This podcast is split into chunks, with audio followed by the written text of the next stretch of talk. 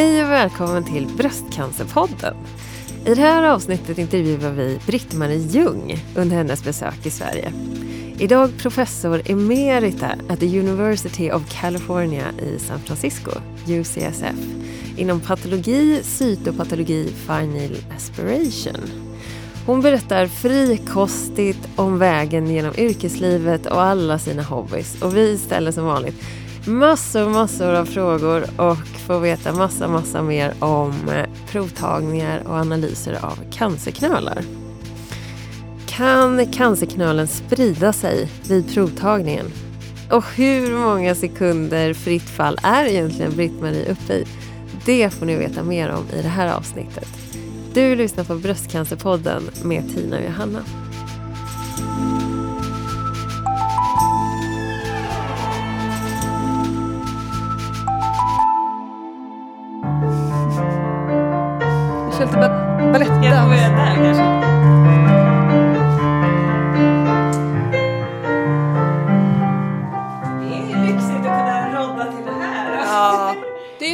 Roligt för det, det låter som att man, alltså man ser ju filmen när man hör musiken.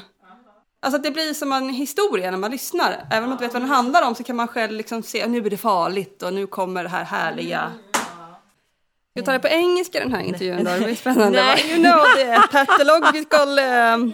alltså, de säger att min, mina svenska ten och sådär är lite konstiga, men det, det går väl bra. Ja, bra. Nu så, nu ja. kör vi! Ja! Hemma hos-reportage idag. Ja, vilken ära. Vi sitter på Dalarö. En båt åkte precis förbi mm. med ingen mindre än Britt-Maries egen man. Vi sitter vid Två stora fönster med utsikt över skärgården. Välkommen till Bröstcancerpodden, Britt-Marie Ljung. Tack. Vi brukar alltid börja med några snabba frågor. Mm. Som vi bara säger varannan, bara papp, papp, papp, papp. Mm. Så det liksom kommer igång lite. Mm, mm, mm. Namn? Britt-Marie Ljung. Ålder? 70. Det kan man inte tro. Det, nej, inte yeah. jag heller. Hur hände det här? Det är en stor gåta. Yrke? Yrke? Ja, jag är doktor mm. och specialiserad i patologi och subspecialiserad i cytologi som är om cellerna i kroppen. Mm. Och sub-subspecialiserad i funktionscytologi. Oh, det är helt galet. Ja. Mm. mm. Patologi. Inom patologi studeras och diagnostiseras sjukdomar på allt från organ ner till molekylnivå. Familj. Jag har make, han heter Warren. Uh, jag har en son som heter Erik, han är 28 och är på gång att ska gifta sig med sin uh, förlovade. Hon heter Jamie, så nu får jag en dotter också. Stor oh, händelse. Grattis! Mm. Du bor? Jag bor i San Francisco, i stan faktiskt. För de som har varit och hälsat på i San Francisco kanske de vet var Presidio Heights ligger. Det är ganska centralt i stan, men ändå känns det som man bor i ja, nästan som en förort för det är, det är individuella hus det ligger ganska tätt, men ändå känns det som man har sin eget hus och egen trädgård. Mm. Bor ni på sån här klassisk backe som man ser i alla filmer? Nej, det, det gör jag inte. Jag bor ganska högt, men det är rätt så platt, vilket är ganska praktiskt i dagliga livet. De där backarna. Mm. Alltså det är tur att det inte snöar mm. och blir kallt i San Francisco, för det ska inte gå. Det går inte att mm. åka halkigt i de där backarna. Men åker man de här äh, spårvagnarna? Ja, det gör man om man är turist, inte så mycket om man bor Nej. där faktiskt. Mm. Det blir ju så, de här turistgrejerna. Mm. Det, alltså man, man, man gör det i början och sen så är, har man gjort det. Mm. Så det blir inte så mycket, men de är, de är väldigt trevliga, det är de. Mm. Mm. Men de har varit avstängda under covid faktiskt. Mm. Så det har inte varit några spårvagnar på väldigt länge, men nu börjar det komma igång igen. Men du bor ju i San Francisco, men nu är vi ju inte i San Francisco. Det hade Nej. ju varit väldigt trevligt annars mm. om vi kunde flyga dit en sväng. Mm. kan ju låtsas det, men det här är ju inte helt fel heller. Utan nu är vi i... Nu är vi i Dalarö, actually. Man kanske ska säga att det är små Dalarö. Ja, väldigt vackert. Och det blev mer och mer lantligt ju längre vi mm. kom ut. Och sen så öppnade det sig upp ett fritidshus här och en uh, utsikt över vattnet. Jätte, jättefint. Ja, vi älskar att komma hit. Det är ju lite långt att åka. Vår granne åker från södra Stockholm. Det tar 25 minuter och vi åker från halva världen. När man flyger ungefär 14 timmar med mellanlandning, så det tar en stund. Dagsform? Ganska bra, tycker jag. Mm. Hobby? Ja, hobby. Alltså, jag tycker det är väldigt skönt att hålla kroppen igång. Så jag har faktiskt sprungit sedan jag var 16 ungefär. Oj. Och det känns så nödvändigt alltså för att hålla sig i form. Sådär. Mm. Och det, det, blir ju mer och mer nödvändigt ju äldre man blir. Numera är det ett halvtidsjobb och mm. liksom få hålla alla delar i, i skick. Så, att mm. säga. så jag ägnar rätt mycket tid åt det och tycker det är skönt. Jag har en springkompis faktiskt hemma i San Francisco. Vi springer tre gånger i veckan. Ja, bra. Och vi, vi kör inte så fort eftersom vi är lite på, på den äldre sidan. Jag brukar säga att jag springer med en yngre man. Han är flera år yngre än mig. Men vi springer sju minuter och så går vi en minut och så springer vi sju minuter och så går vi en minut och så håller vi på så där till ungefär 10 kilometer och sen så ja, tar över en timme. Alltså det men det gör vi tre gånger i veckan och det är jättehärligt. Wow. Mm. Och sen, som liten spelade jag piano och sen så slutade jag när jag gick på gymnasiet. Och så gick det ja, 20-25 år och så träffade jag Warren, då, min man som jag är gift med nu. Och sen så kom han med till Sverige och och skulle träffa familjen och sådär. Då satte jag mig ner och spelade piano hemma hos mamma och pappa. Då tittade han på mig och sa, men herregud, du har ju inte berättat att du gör det här. Det här måste du ju göra. Multitalang. Mm. Ja, det vet jag inte så mycket. Men det var roligt i alla fall. Jag har alltid älskat musik. Vi fortsätter att gå på mycket konserter och älskar opera och sådär. Så jag började faktiskt ta lektioner igen och skaffa ett piano. Och, så här. och nu, nu har jag världens bästa pianolärare och tycker det är jättekul. Mm. jag jobbar inte heltid längre så jag har mera tid att, att göra det där. Så musiken är, har alltid varit ett intresse mm. och fortsätter och faktiskt mer och mer på äldre dagar. Mm. Härligt. Ja. Och sen så träffade jag faktiskt min man. Uh, vi åkte skidor och han har åkt skidor i alla år. Jag åkte skidor som ung också. När, när jag gick... Ja, det gör ju alla barn, gjorde på den tiden i alla fall, när det fanns mycket snö på vintern. Så vi åker mycket skidor tillsammans faktiskt, det gör vi också. Och din son har jag hört också. Ja, min son han blev väldigt smittad av det här, mer än kanske vi hade tänkt. Mm. Så han, han, gick, han gick på college och blev färdig och sen så kom han hem och så sa han så här, äh, men jag vill vara med på Ski Patrol, du vet om det här som som ser till att det är något sånär säkert på, uppe på berget i snön. Och sen så om man skadar sig så transporterar de ner en, en sån där pulka. Det Aha. gör han. Mm. Då tänkte vi, ja men ett år, det kan väl vara okej. Okay. Det mm. blev fem år. Mm. Lite som Baywatch fast tvärtom. Ja, ja. på berget. ja, ungefär. Men nu har han i alla fall ett riktigt jobb på samma ställe. Så det, han blir någon sån där ut, outdoors person som vi säger. Alltså han, han älskar att vara ute. Och han, alltså hans somrar var här på Dalarö. Det var väl också del av det. Mm. Vara ute och kajaker och, mm. och motorbåtar och mm. bada och sådär. Mm. Man ska gå dit hjärtat leder en. Ja, han vill inte sitta på kontor heltid, säger han. Och jag kan förstå det. Mm. Uppvuxen? Uppvuxen? Jag föddes faktiskt i Sankta Clara, mitt inne i stan. Mm. Jag bodde på Klarabergsgatan mina första två år. För Min mamma och pappa drev hotell där. Och Det mm. var inte något jättefint hotell. Det var för hotell för resande och lite konstnärer och sådär som, som bodde där. Och um, sen... Um, så flyttade vi till Vällingby. Nu tittar Warren in här Jaha, genom dörren. Det är hennes Hi. man. Hi! We saw you on the boat. Looked, oh, you did? Yeah. yeah. Racing on the water. Looked so nice. So how about closing the door, Warren? it probably wasn't closed. Completely. We're just sitting here and telling oh. what to do. We're sorry. Do that. Do We're that. kind of stuck in our chairs. yeah. Could you keep her there for a couple of days? Yeah, yeah of course. yeah, we would love to actually. Man tror ju att Klara, ändå det området ska vara... Alltså idag så ligger det mitt där Åhléns ligger och det är väldigt eh, centralt och fint område. Ja. Men det kanske inte var så då? Ah, nej, det var det faktiskt. Klara, gamla Klara var ju ett helt stadsområde, mycket gamla hus. Ja, faktiskt, det hotellet låg precis där Åhléns ligger nu. Mm. Mm. Men hur hamnade du i USA?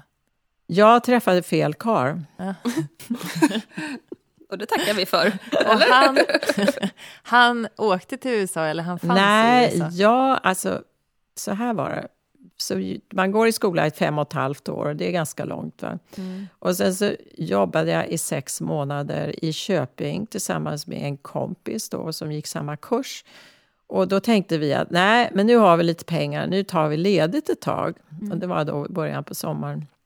Skulle vi sluta, ja vi hade väl gjort sex månader och sådär. Och eh, då bestämde vi oss för att åka västerut. Uh, så vi, vi uh, köpte biljett fram och tillbaka till New York och så skaffade vi någonting som heter ett sån här um, kort så man kunde åka Greyhound buss ah. över USA mm. i, jag vet inte vad det var, fem veckor eller någonting. Mm. Och jag hade en kusin i New York, och jag hade en moster i Chicago, hon hade familj i Seattle och vi hade tänkt att åka till Hollywood. Mm -hmm. och, så, och bli filmstjärnor? Nej, så långt var det väl inte, men vi var nyfikna men det blev på det här. Det, ja, slut, exakt. Med dina ja. egna filmer. Ja. ja, på sätt och vis. Det var väl kanske inte så häftigt. Men i alla fall, så vi, vi åkte buss över hela landet och så småningom kom vi och det var väldigt långt, kan jag säga, mycket längre än vad vi hade trott. Ett stort land. Uh, vi hamnade i San Francisco så småningom och träffade där två killar på en bar. Mm. Som när man är på semester går man på bar. Det gör man inte normalt kanske mm. så annars. Mm. Men åtminstone gjorde inte jag det på den tiden. Men, men, och vi hade jättekul. Alltså, det var så roligt. Mm. Uh, och, um, och sen så det var många vänner på det där men så småningom så gifte jag mig faktiskt med en av de där killarna. Mm. Och flyttade till uh, Los Angeles. Mm. Ah. Och började uh, jobba där på UCLA. Um, och det var liksom en kombinerad utbildningstjänst och att starta en sån här finhållsfunktionsverksamhet tillsammans med en av professorerna där som hade varit på besök i Stockholm för att lära sig hur man gjorde de här biopsierna. Så jag hade lärt känna honom i Stockholm och han fixade det här jobbet åt mig. Mm. Mm. Så där var jag i tre år innan jag flyttade till San Francisco. Mm. Träffade du några kändisar i LA? Nej, det gjorde jag inte. Och den där karln som jag gifte mig med, det tog ungefär tre månader att klura ut att det där kanske inte var så bra. Men, men då tyckte jag, kunde man inte åka tillbaka med svansen mellan benen Nej, till Sverige. Det. det var man liksom, liksom för stolt för, så det var ju bara att bita tag i det där. Och, ja. Spännande resa du eh, mm, har varit med Det var tufft i början där faktiskt. Mm. Ja. Men väl kämpat. Och sen träffade du Warren. Det gjorde jag. Mm. mm.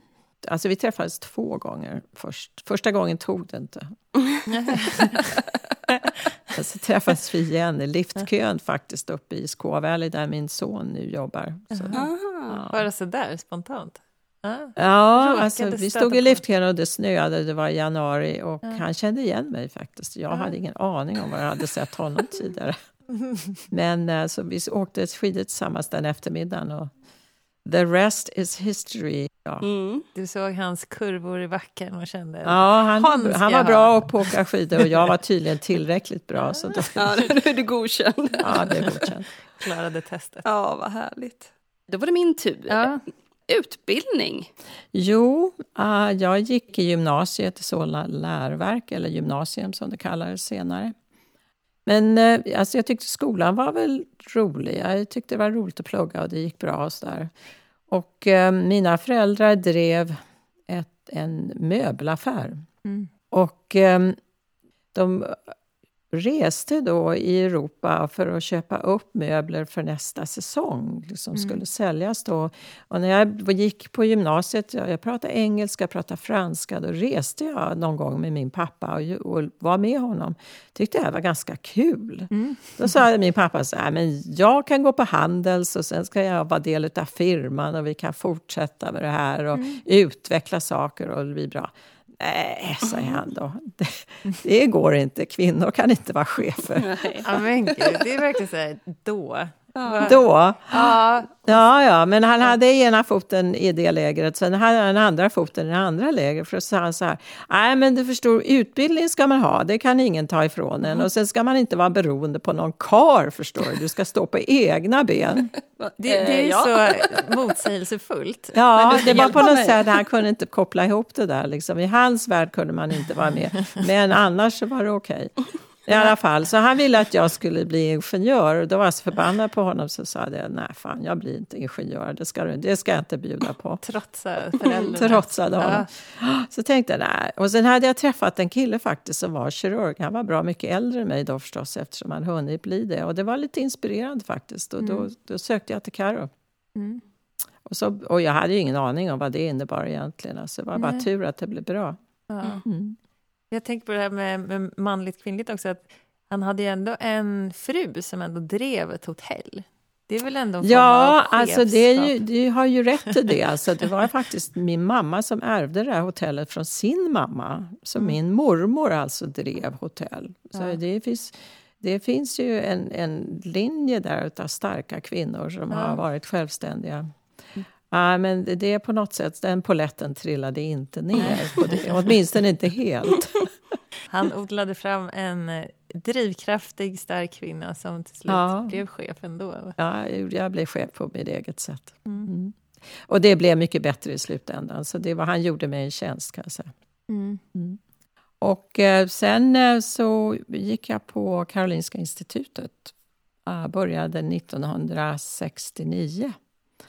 Och gick utbildningen där, det tar fem och ett halvt år. Och sen så ehm, gjorde jag min, som det kallas nu, AT. AT. Den som gjort klart en läkarutbildning kan sedan tjänstgöra på en tidsbegränsad anställning under handledning, en så kallad allmän tjänstgöring, AT, som i Sverige varar minst i 18 månader. De första två åren när man gör alla möjliga olika saker. Och sen måste jag bestämma vad jag skulle göra. Mm. Och det var inte så lätt. Nej, det känner vi igen. Mm. Mm. Jo, och då tänkte jag, ah, men det här, man går ju kurser då på, på, på Karolinska, olika grejer. Tyckte jag, ja, pediatrik var ju roligt. Tänkte att det kanske vore något. Pediatrik. Ja, barnläkeri. Ah. Ja, ja, sånt där. Bing! Det var roligt med barn tyckte jag då.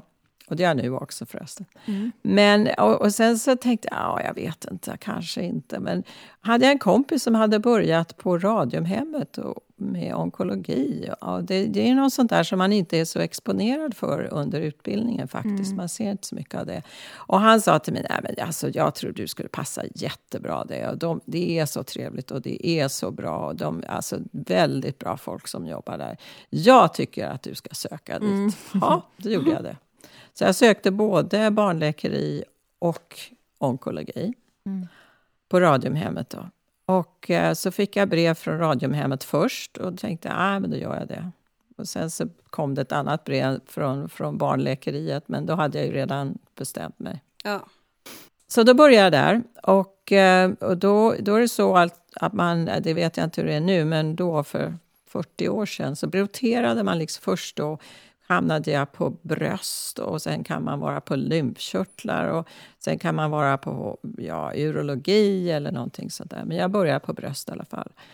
Och det där var ju intressant och jag trivdes jättebra. Och sen så hade vi konferens varenda vecka ah, med nya diagnoser eller om det var någonting som behövde diskuteras mellan de olika specialiteterna. Så då patologerna som jobbade i samma ah, byggnad på Radiumhemmet, de kom dit då. Och så visade det sig att de gjorde ju diagnoserna. Det var ju det allting var baserat på. Och de, de stack ju de här väldigt tunna nålarna då in i, om det misstänktes att det var någon tumör. Och då tänkte jag att det där låter ju ganska intressant. Jag gick ju utbildning till onkolog. Jag var inte alls på det där spåret, men då, då blev jag intresserad av det. Så jag gick upp och frågade dem och sa att kunde jag kanske göra sex månader som en del av min onkologutbildning då på cytologen. Jo, alltså, det gick väl bra. Kan komma i mars eller februari eller vad. Så då gjorde jag det och sen efter ja, kanske två månader tänkte jag men det här vill jag göra. Det, här, är ju- det här passar mig jättebra. Praktiskt. Så efter sex månader då så sa han det, ja men det här går ju bra, du kan väl fortsätta. Så då stannade jag två år där och gjorde det där. Mm. Två år när det var klart, då hade jag gift mig med den här killen då i USA och sen så var det ju läge att flytta då. Mm. Då hann du börja karriären min, i Sverige? ja, så min patologutbildning blev i USA istället för i Sverige. Mhm. Så jag gjorde baklänges så att säga. Normalt så gör man först patologutbildning och sen gör man de där två åren cytologi. Men jag startade på cytologen, gjorde de där två åren och sen gjorde jag patologutbildningen på UCLA. Då, vi- då visste du verkligen att du ville göra det också. Ja, Så, och oh då ja. Mm. kan man förbereda sig på ett annat sätt. Ja, och det var ju en enorm eh, fördel att ha gjort den där utbildningen. Alltså, jag gjorde ju massor med biopsier under de där två åren. Så det fanns ingen i USA som hade gjort så många då. Mhm. Mhm. Kanske inte nu heller.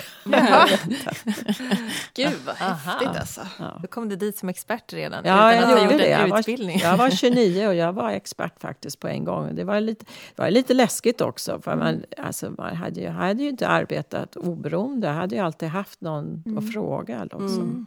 Så det var lite knepigt. Det var det. Och det. gick. speciellt kan jag tänka på 29 år. Mm.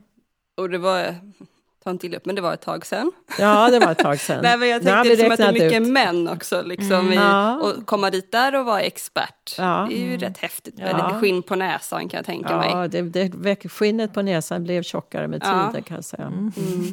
Ja, det är bra. När jag gick på Karolinska tänkte jag skulle bli kirurg. Mm. Och sen så jobbade jag faktiskt under AT då, i kirurgi nästan ett helt år faktiskt. I Köping av alla ställen. Mhm. Och då upptäckte jag att det här med kirurgi var ju jättekul, det här hantverket.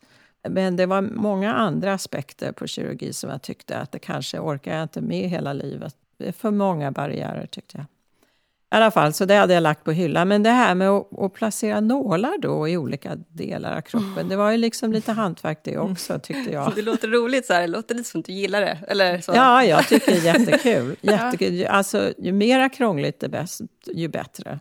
Tycker jag, när man ska in på konstiga ställen och trångt och lite så här, lite ovanligt. Det tycker jag är kul. Men gud, vad, alltså vi, jag tycker vi bara fortsätter här nu så får vi bara... Ja, Ja. För, för vi brukar ha en så här ganska kort faktarut i början, men nu börjar Ja, du berätta. Så vi Ja, kör bara. Jag tycker det här låter jättebra. Men på riktigt, så här, nu är det så intressant. Ja, Ja. Det är lite, jag tycker också det är lite härligt. Så här, alltså, ja, men du vet, det låter så här lite mysigt. och- Inte mysigt, nu börjar mina äckliga frågor igen. Men alltså, jag, jag förstår så här, man, man, själva grejen att kunna lösa problemet och se hur du ska komma in med nålen. Och Ja. Men har du aldrig känt att det var lite äckligt att trycka igenom hud? Nej, nej, nej, nej. Absolut inte. Men hur, okej, första gången du skulle göra det, övar man på någonting? Alltså nu, alltså det, det kommer ett annat kapitel Ja, på det. För ja. jag undervisar, jag har, gjort det all, jag har undervisat i 40 år Ja. om hur man gör det här. Så nu, alltså det gjorde man inte på den tiden, utan det Ja. var liksom, ja. Hej patient, här vi första gången. Ja, ungefär. Alltså, man sa ju inte att det var första gången. Men, Gud vad kul det hade varit. Så här, hej hej, det här är min första gång Ja, att sticka en nål i någon. Jag tycker själv att det känns lite makabert, men jag Ja. tror att det kommer Men jag gå bra. gillar det, det kommer gå bra. alltså man, hade, man var ju inte ensam, det var inte så, så utan man hade ju någon med sig. Och sen, alltså de hade ju lite omdöme sådär, det var om det var någonting som var lätt, ja, ja, lätt att komma åt och, och ja, då, då fick man liksom börja med det. Alltså man började inte med det svåraste. Men var det då du stack nålen in till, i de som hade, alltså i en cancerknöl? Liksom? Just det. Men hade man eh, känt, alltså hade man eh, ultraljud då också? Eller? Nej, då kände man bara typ här är den liksom. Ja, man använde på den tiden så använde man sina fingrar. Och det är en konst det där, att Ja. liksom lägga fingrarna på en knöl och bedöma hur djupt är det? Ja. Hur stort är det? Vilken vinkel ska jag använda för att hamna där jag verkligen nålen ska vara? Var det bara i bröst då? Eller hade Nej, man, nej, var, nej, nej, vi stack nålar i nästan allt. Fast det är en annan del också av det här som jag upptäckte ganska väldigt tidigt faktiskt. Det var den här kombinationen av det, det, det, att, att placera nålar och det här med ja, hantverket. Men det är också, också är det visuellt för man, man gör utstryk då av de här cellerna och sen så så applicerar man uh, färgningar så att man kan se dem. Och det gör ni direkt ja, på plats? Eller? Ja, det gör det. Vi har laborat man har ett laboratorium som, ligger, ja, som, man, som vi använder. Och det finns många olika färger och det blir väldigt vackert faktiskt. Det, det är mycket blått, mycket rosa, mycket lila. Mm. Så de här färgerna är designade så att man ska se då kärnorna i cellerna och kromatinet som kärnorna är gjorda av. Kromatin. I kroppens celler finns det kromosomer, vilket innehåller kromatin, som består av proteiner och DNA. Kromatinet i cellkärnan går att färga.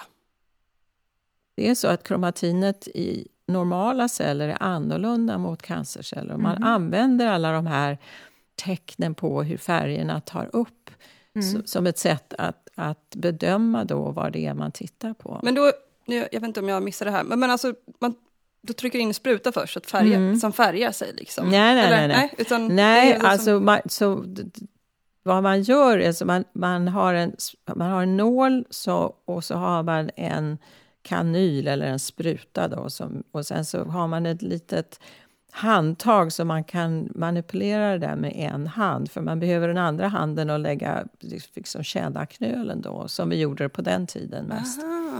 Mm. Uh, och sen så placerar man nålen och sen så manipulerar man nålen lite grann. Man för den lite fram och tillbaka så att det lösgör celler. Och så har man lite negativt sug i det där som man kan göra med det där handtaget. Negativt sug menar du att du drar upp Ja, man liksom. drar upp det så att cellerna kommer in i insidan på nålen och lite, kanske lite grann upp till, till eh, kanylen också. Aha. Ja. Sen så sprutar man ut det där på ett, ett litet glas och sen så stryker man ut det så att det liksom sprider sig på glaset. Och sen kan man antingen fixera det i alkohol eller också kan man låta det eh, torka bara i lufttorka. Och sen går det till laboratoriet och så sätter man på de här färgerna. För cellerna na naturligt är, ja, de är vit, lite vit, äh, gråa, ja, kanske ska jag säga beigea sådär. Om man bara sätter dem i mikroskopet och försöker titta på dem utan färgning, då ser man nästan ingenting. Så Aha. man behöver färgerna för att man ska kunna se.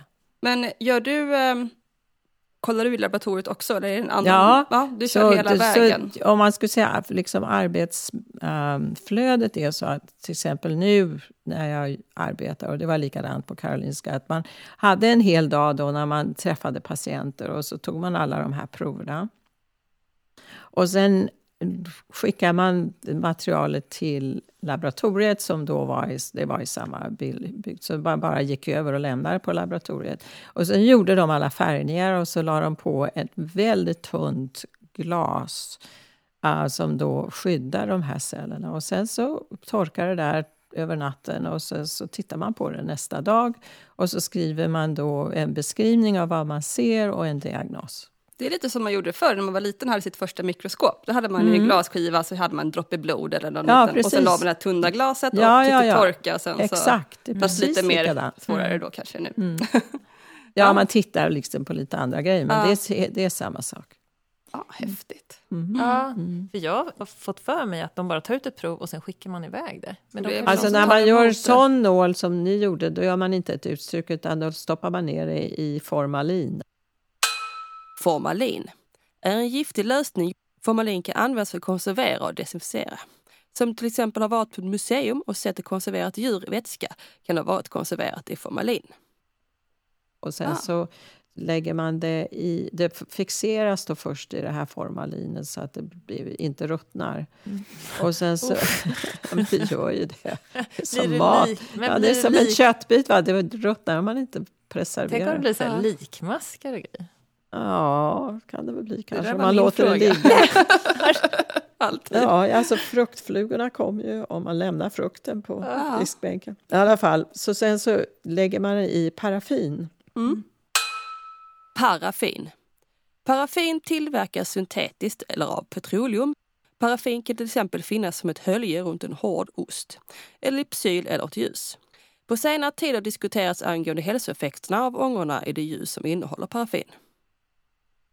Så att det liksom blir som en liten kloss. Och sen så väldigt skarpt eh, kniv så skär man väldigt tunna skivor, bara så här 4-5 mi microns. Jag vet inte vad det heter på svenska. My. Micron. En mikrometer eller mymeter, som man också kan säga och beteckna, får man fram om man delar upp en millimeter i tusen delar. Ett papper är till exempel 100 mikrometer, ett hårstrå cirka 50 och spindeltråd och bakterier kan storleksmässigt ligga runt 3. Ja, väldigt, väldigt tunt. Och sen så fångar man upp det på sånt där glas, samma sorts glas som vi gör utstryck på. Och sen så färgar man det liknande som man gör med utstrycken. Alltså det är hematoxylin och eosin brukar man använda för det. Mm. Hematoxylin och eosin används vanligen för att färga ämnena så de kan studeras i ljusmikroskop. Basiska strukturer som proteiner färgas till exempel röda av eosinet och sura strukturer som cellkärnor färgas blå av hematoxylinet. Lite som en carpaccio, tunt, tunt, tunt skivat. Mm. Det, ja, en- liknar en med mat. Ännu tunnare. Jätte, alltså extremt En tunt. liten, liten oblat av kött. Och så tittar man i mikroskop då efter att man har lagt på sånt här lite tunt glas. Ja. Nu är det ju så att det är så dåligt med patologer i Sverige. De har inte, det finns inte tillräckliga resurser. Så en del preparat skickas till Tyskland Aha. för analys. Därför det tar så lång tid att få ett svar. Mhm. Så ska man bli något inom yrkeskåren här så kanske det är patolog då? Ja, Ja, det behövs mycket patologer i Sverige. Mhm. Om jag ska gå och ta min biopsi för första gången. Jag kommer till läkaren och så blir jag tillbedd att lägg den ner här. Mm. Och sen knackar du på dörren. Här, nu kommer jag in. Och vad händer sen? Jo, alltså vi gör lite annorlunda i USA. Det är strukturen lite annorlunda. Ah, det, okej. Man pratar mycket mer i USA. Mm, det. Mm. förväntas att man förklarar saker på, mera i detalj, skulle jag säga. Mm. Så det går lite långsammare. Vi är inte riktigt lika effektiva när det gäller tiden faktiskt jämfört med Sverige. Åtminstone som det var då när jag utbildade mig här. Och jag tror fortfarande det är mycket så. Ja, jag upplever också att det är, det är mycket så här, nu ska vi ta prov, så kommer de in och tar prov och så undrar man så här, vad gjorde de nu? Ja, nej. Alltså, så vi har då någonting som kallas för informed consent. Så det betyder att man, man berättar i detalj vad som ska göras och vad det finns för sidoeffekter. Och sen så har patienten ett tillfälle då att fråga alla sina frågor. Och sen skriver man på ett papper allt att, att man har gjort det här. Att man har förklarat och att de har fått fråga sina frågor. Och det kan ta en bra stund faktiskt. Jag skulle vilja säga att den delen i vår verksamhet tar nog 15-20 minuter Mm. faktiskt. Mhm. Mm. Och sen då, alltså då sitter man ju tillsammans och pratar och patienten har kanske tagit, om, det nu är bröst så har de tagit av sig sina egna kläder men har då en, en ja vad ska man kalla, vad kallas det i Sverige? Mm, sjukhuset. Sjukhus, Särk. särk, ja en särk Eller, på ja. sig så att man är täckt och sådär, man är inte exponerad. Och sen så, ja jag förklarar liksom att ja, de kommer att lägga sig ner och jag kanske ändrar på position lite grann beroende på var knölen sitter och hur man ska ta sig dit. Och numera så använder vi mycket ultraljud. Så jag tittar ju alltid på området hela, liksom, där knölen är och runt omkring innan man gör biopsierna. Även om man inte använder ultraljudet för att leda nålen Aha, så man gör inte det? Jag tänkte typ att man hade en som höll ultraljudet och ser man nålen så man vet exakt Jo. att man kommer. Det gör man också. Alltså det är väldigt vanligt att man gör det numera, att man använder ultraljud för att få nålen på rätt ställe. Men det är inte alltid bästa tekniken att göra. Man kan variera lite grann. Men även om man inte använder ultraljudet för att rikta nålen så, så använder jag alltid ultraljudet för att titta. För det, det hjälper tycker jag. Men det upptar ju en hand då? Ja, och så har du den här Jo, just det. Så man i. har en hand på ultraljudet. Jag brukar använda, använda vänster hand för ultraljudet. Som ett och sen så har man handtag. höger sen- hand då för mm. nålen som går in. Behöver man inte hålla fast bröstet också? Nej, det, Nej. det, det Nej. behöver man Nej. inte. Det är sant, man skulle ju så vilja praoa på alla ställen så man får se allting, alltså hur det Ja. funkar. Ja. ja, jag vet inte om jag skulle vilja... Jag, jag, vet, inte, jag känner att det är lite så här makabert. Jag tänker så här, om jag skulle ta prov på dig, Johanna, Ja. då skulle det vara så här, nej, jo, nej, nej, oh, Ja, jag skulle du sticker- älska ah. att göra sånt Nej, där. men alltså. tänk att bara sticka rakt in i någon människa. Alltså, jag tror det är lättare att göra på någon annan än på sig själv. Jag tänker kanske att man har en spärr, att det är någonting fel. Ja, att gå vissa in. personer har en spärr. Mm. Ja, så man, man lär ut. Så är det vissa personer som hesiterar. Mm. Och då brukar jag säga så här, ja men alltså det här vi gör här, det är det lindrigaste som man kan göra för att ta reda på vad det är. Mm. Alltså innan vi hade nålar och innan det fanns nålar som man kunde göra här, innan man visste hur man gjorde, ja då var det operation som gällde för Ja. att ta reda på vad det var. Men när, när man går tillbaka så innan man använder nålar, när börjar man använda nålar? Ja, det är en lång historia också. Det finns ju publicerat material som går väldigt långt tillbaka. Och det tidigaste som jag har hittat var från 1847. Jaha. Oj! Oj. Då var nålarna inte så tunna. Nej, det var de grövre nålarna. Då. hade grövre nålar då. Men det var, någon, det var en doktor nere i, eh, i östra delen av Frankrike, nästan på gränsen till Tyskland som publicerade, jag tror det var fyra eller fem fall i ett, och, och beskrev då att man kunde gå in och få ut celler från en cancer och så titta i mikroskop. Så det är det tidigaste jag vet. Och sen så, alltså det hände inte så mycket på ganska länge. Runt sekelskiftet då, det förra sekelskiftet, så använde de ibland för att leta efter infektioner. Alltså såna här parasiter och sånt där som är lite större som man kan se då. Uh, och sen på 20 och 30-talet så var det en kirurg i, um, i New York, på Sloan Kettering Cancer Center som använde nålar och gjorde i stort sett vad vi gör nu med lite annan teknik och lite andra färgningar men samma koncept. Och han var den första som, som publicerade större serier av patienter, upp till tusen stycken. Så, där. så det var ganska mycket då. Men sen det där tog liksom inte riktigt fart. Det blev liksom inte riktigt bra. Alltså, det är inte så lätt att göra det här så att det blir verkligen man kan lita på det hela tiden. Det måste ju bli rätt alltså nästan jämt för att det ska vara, man ska kunna använda det. Och det var väl inte riktigt fart på det där. Men, och sen så var det en, eh, en doktor här i, på Karolinska som var, var han faktiskt onkolog och gjorde mycket leukemier och lymfom och sånt där. Så han var van att göra eh, större nålar som man gjorde biopsier i, i benmärgen. Mm. Så då suger man ju ut blodceller från benmärgen. Och han hade då kommit på att man kunde ju se inte bara lymfom utan man kunde se metastaser från andra tumörer i benmärgen. Och så, ja, och så kunde man se infektioner också, kanske granulom då, som TBC och sånt där. Mm. Och på den tiden då hade de strålning för att behandla cancer. Och folk, människor som då kom in och har stora knölar i halsen, det var ju ofta skivepitelcancer då från någonstans i munhålan. Mhm. Eller kanske från lungorna. Och då behandlade man dem med strålning.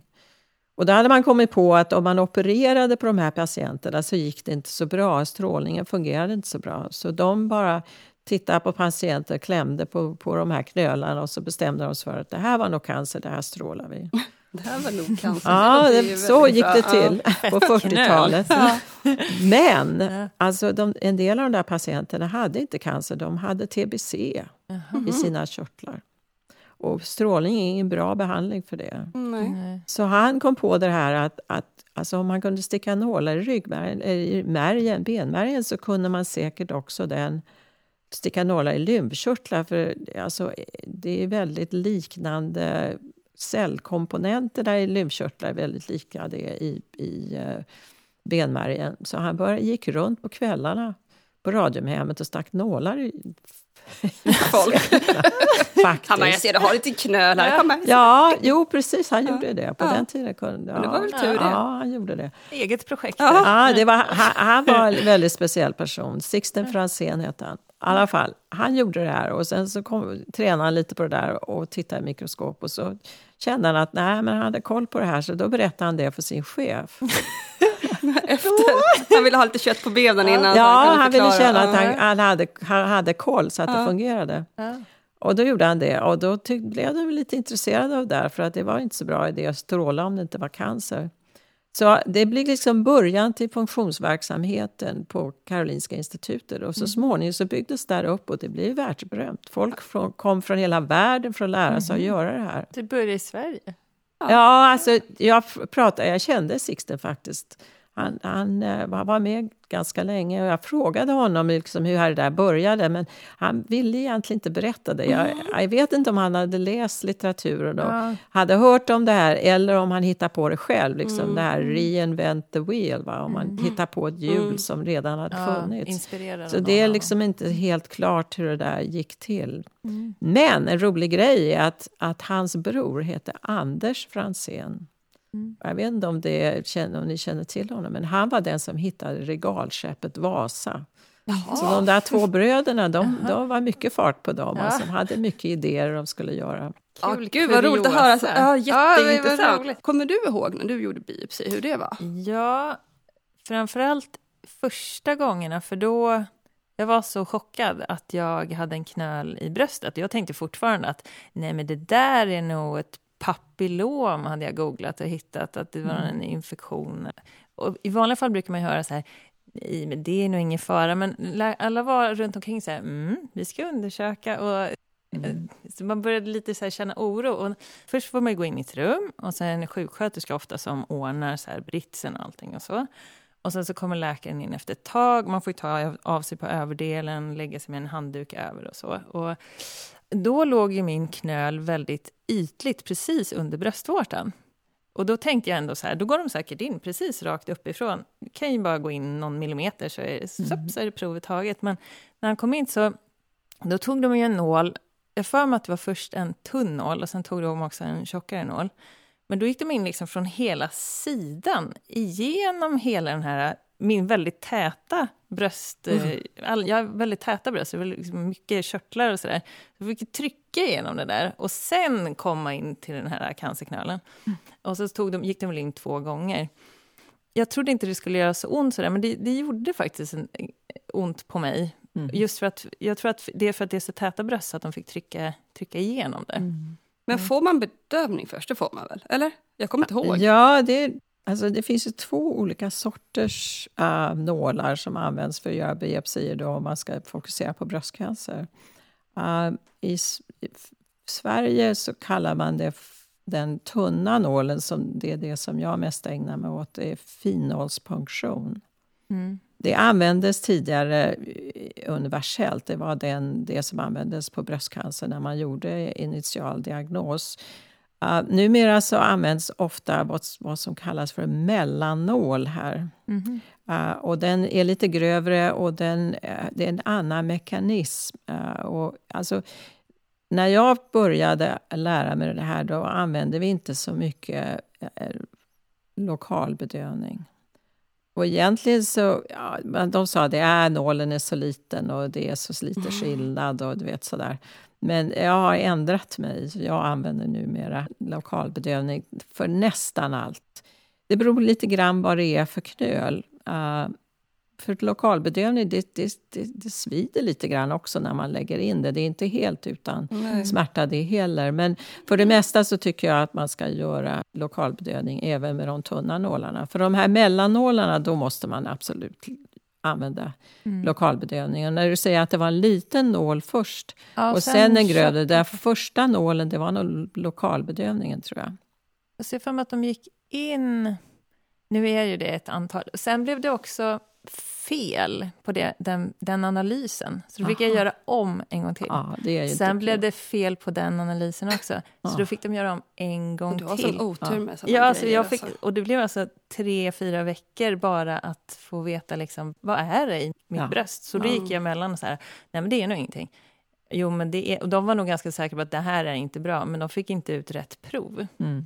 Och då gick de in med nål och sen så bara så sköt det till. Ja, Och sen de- drog man ut. just det. De där mellannålarna, de är, alltså, det finns en, en liten eh, fjäder Mm. i den som, som gör att den, den, det är en liten hylsa som går över den inre nålen så man får ut en liten bit egentligen. Det är som en liten tunn uh, Köttbit. köttbit. Ja, faktiskt. Så det är inte bara celler utan då är det liksom en Nej, bit av alltså tumören. mekanismen mellan de här olika metoderna är väldigt annorlunda. Det är det. Det. Men är det, är det vanligt att man inte får ut det man vill få ut? Det är, alltså det är väldigt svårt att säga utan att ha lokal kännedom. Mm. Jag vet ju liksom hur det är där jag arbetar nu, Mm. vilket ju inte är längre i Sverige. Det har inte varit på över 40 år. Men äh, jag skulle säga att det är mycket ovanligt att man inte får det man ska ha. Det, det är kanske 2-3 procent, någonting Mm. sånt där. Jag Ja. verkar tillhöra den skalan i allt. Ja. Så det, det beror ju lite, så sen beror ju lite grann på också hur det sitter och uh, hur de använder de ultraljud då för att, Jag tror inte att de eller de det. kände på den bara. Jag tror det. Ja, alltså det kan ju vara knepigt eh, det, att om man bara känner, speciellt under bröstvårtan. Att gå igenom bröstvårtan är inte så bra idé för det gör mycket ondare faktiskt. Ja, för det är så känsligt, huden runt bröstvårtan. Så vi brukar komma som de gjorde från sidan. Så där, det, det gjorde vi. Men att tre gånger låter lite mycket tycker jag. Mm. Alltså ibland så är det så att man får ut kanske mindre än man skulle vilja. Man kanske inte kan göra all, alla färgningar och, alla undersökningar som man skulle önska på ett preparat. Men för det mesta så kan man åtminstone säga att det här är tumör eller inte. Mm. Men det, händer ibland att det bara kommer inte ut någonting. Ja. Det kanske är förkalkningar som sitter i vägen och man kommer inte igenom och sådär. Och då får man ju använda sin kliniska Fantasi. Mm, Ja, fantasi och också omdöme. Liksom. Är det värt att gå in och operera då för att ta reda på det är? Ska man kanske göra flera röntgenundersökningar så att man, Mm. ah, kanske, man kanske inte får reda på exakt vad det är men man har kanske mera eh, information som man kan... Alltså troligtvis är det det eller det. Eller ibland blir det så att man säger ah, men vi väntar kanske en månad eller två och ser om det händer någonting, Mm. alltså om det växer eller inte. Och är det då stabilt över en tidsperiod beroende på vad det är man letar efter så kan man säga att nej, det där var nog ingenting som vi behövde göra någonting åt. Alltså. Så det beror på lite grann. Man får väga för och nackdelar och risker och sådär. E- Efter tredje provet på mig då sa de så här att om, det inte, om, det inte, om vi inte får ut resultat nu då eventuellt så gör vi en operation, opererar ut och sen analyserar efteråt. Men Ja. de var ganska säkra på att det var cancer ändå. Så. Mm. På tredje så fick de ut ändå Ja. Mm. celler. celler. Men har man, i, får bara, har man Mm. ingen känsel inne i bröstet? Jo, det har man. Ja. Det har man alltså. Så man lägger då eh, bedövning runt knölen, så att säga. Från huden, i huden, transportsträckan från huden till tumören. Och sen så brukar jag liksom distribuera det här lokalbedövningen på ytan runt tumören så att det täcker nerverna som Mm. går in. Så och, och det fungerar inte alltid 100 procent. Alltså ibland så känner man ingenting och ibland så känner man en del. Mm. Det, det är ibland oundvikligt. Men det, det är, är mycket bättre med lo, lokalbedövning än, än utan. Har du någon speciell teknik? För när, när jag själv låg på det där bordet, då Mm. sköts det ju till så här, poff, och så tog man ut ett prov. Mm. Men när jag tittar på film som du har haft, då är det som att det går in och dutt, dutt, dutt, dutt, alltså juckar Ja, fram så det är det som är annorlunda mellan finhålspunktion och de här mellannålarna som de använder på dig. Mhm. Det är inte samma sak. Nej, okej, så det är det som är skillnaden. Ja, det är så, det som är skillnaden. Så de här mellannålarna, då, ta, då sätter man nålen så att den siktar på det område som man ska ta biopsin från. Mm. Och då den inre delen av nålen skjut, skjuter in först och sen så kommer en hylsa över den. Och det går så fort så det känns som bara en panggrej. Ja. Och sen så drar man ut hela den och så tar man ut den där lilla köttbiten. Och sen om man behöver en biopsi till så sätter man in den igen och repeterar och gör om samma. Mm. Finns det en grövre nål också? Ja, den där mellannålen är grövre. Alltså, så det- min nål, den som jag brukar använda mest, den är 23. Ja, det är alltså nummer på nålar Aha, beroende på... 23 millimeter. Nej, nej. Alltså, Det är ju, ju, större, just, just, ju tunnare nålen är, ju högre är, är numret. Mhm, Så de mm. minsta nålarna som finns, som jag vet i alla fall, det är 30. Och de är så små, så det är sånt där som diabetiker använder för att spruta in Mm. sina, sitt insulin. Så väldigt tunna, man känner dem nästan inte alls. Nej. Och 23 tycker jag är, passar, är faktiskt bra för finhålspunktion. Och mellannål är 18. Mm. Så det finns alla varianter emellan där också. Så du har hittat din favorit som är 23 Jag har en favorit. Så att man kan välja själv liksom, hur Ja. man jobbar då. Ja, liksom. det kan man göra. Så vi använder nålar från 21 ungefär till 27. Lite beroende på hur situationen är. Det, det kan variera. Och så sitter de i en så här pistolliknande... Ja, alltså kanylen då sitter i en pistol. Det, är liksom, det ser ut som en pistol för att man kan dra tillbaka då den där inre delen Mm. så man får lite undertryck där inuti Mm. den där kanylen. Du som har tagit så mycket prov, då kanske du är duktig på skytte också? Ja, det har jag inte testat. det, jag vet inte, Om kanske. måltavlan är väldigt nära. Ja, ja, Det blir så det- nära. Ja. Snipe, nej inte sniper, det blir inte mer, mer så här, ninja, komma fram och skjuta snabbt. Nej.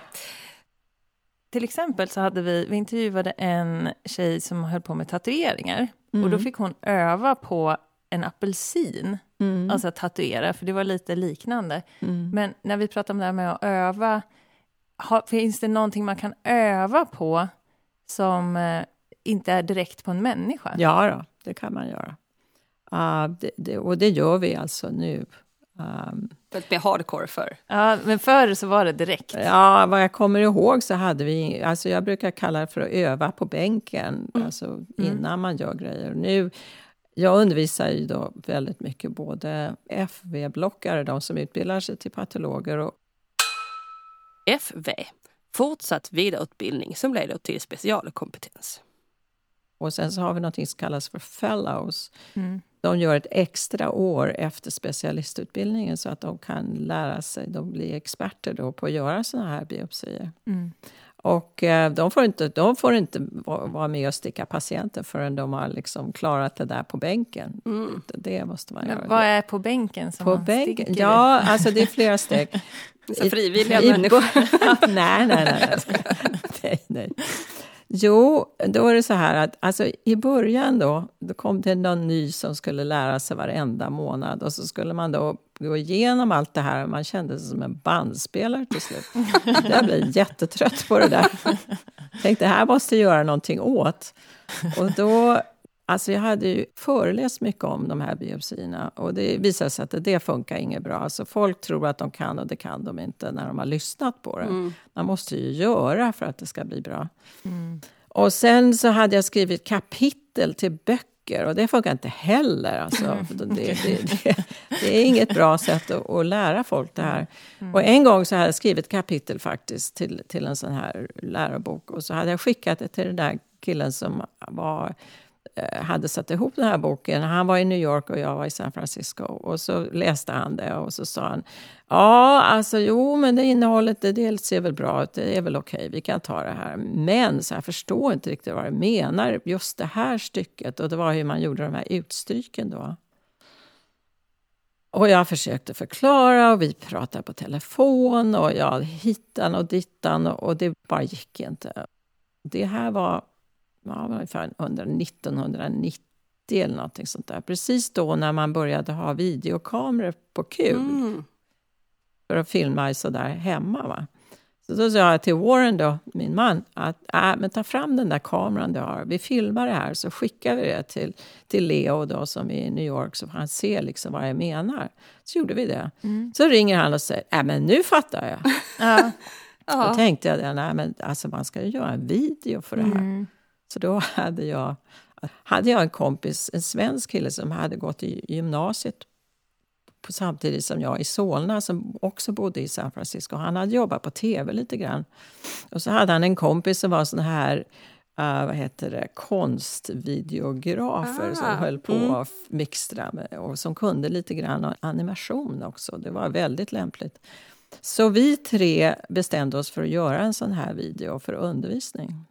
Och det gjorde vi i ett av våra sovrum. Vi hade inga pengar, men jag köpte en kamera. Jag sa till Shanahan, var videografen, att när vi är klara kan du få kameran. Vilken vill du ha? Jo, så, så det var hans betalning. Och sen så skrev jag ett skript Och vi upptäckte att jag kunde komma ihåg ungefär tre meningar i stöten. Så flyttade vi kameran härifrån till hit och till dit. Så det såg ut som man hade tre kameror, men det hade vi inte. Alltså, Och sen så skulle man ha händerna då, man skulle visa hur man gör alla de här utstycken. Ja, då, visade att då blir det ungefär 20 skuggor då, man ser ingenting. Och glasen de är genomskinliga, såg man inte heller. Så det tog oss ja, flera månader att bygga ett set alltså, som fungerade så vi hade ljusbord. Ja, ljusbord, ja. Mm. Mm. Och sen så målade vi kanterna på de här glas med svart tusch så man kunde se kanterna på dem. Det var mycket tricks med det där. Mm. Det var ungefär en timme lång den där videon. Så då hade vi ju någonting att, att ge de här så jag inte behövde säga allting längre. Så jag har gjort en ny video för den var ju så gammal. Så nu om, om de ska komma till oss och lära sig så, så får de titta på den där videon först. Och då säger jag att de måste studera videon. De kan inte bara titta på den. När de kommer då på första dagen då ber jag dem att de demonstrerar vad de har lärt sig på bänken. Och sen så är det alltid en massa grejer man behöver fixa ändå. Men man har ju liksom åt, åtminstone en början på det. Och, och då övar man faktiskt på, man, tar, man går till, till, till mataffären och köper lite lever. Sån där som man äter. Om man nu gillar lever vill säga.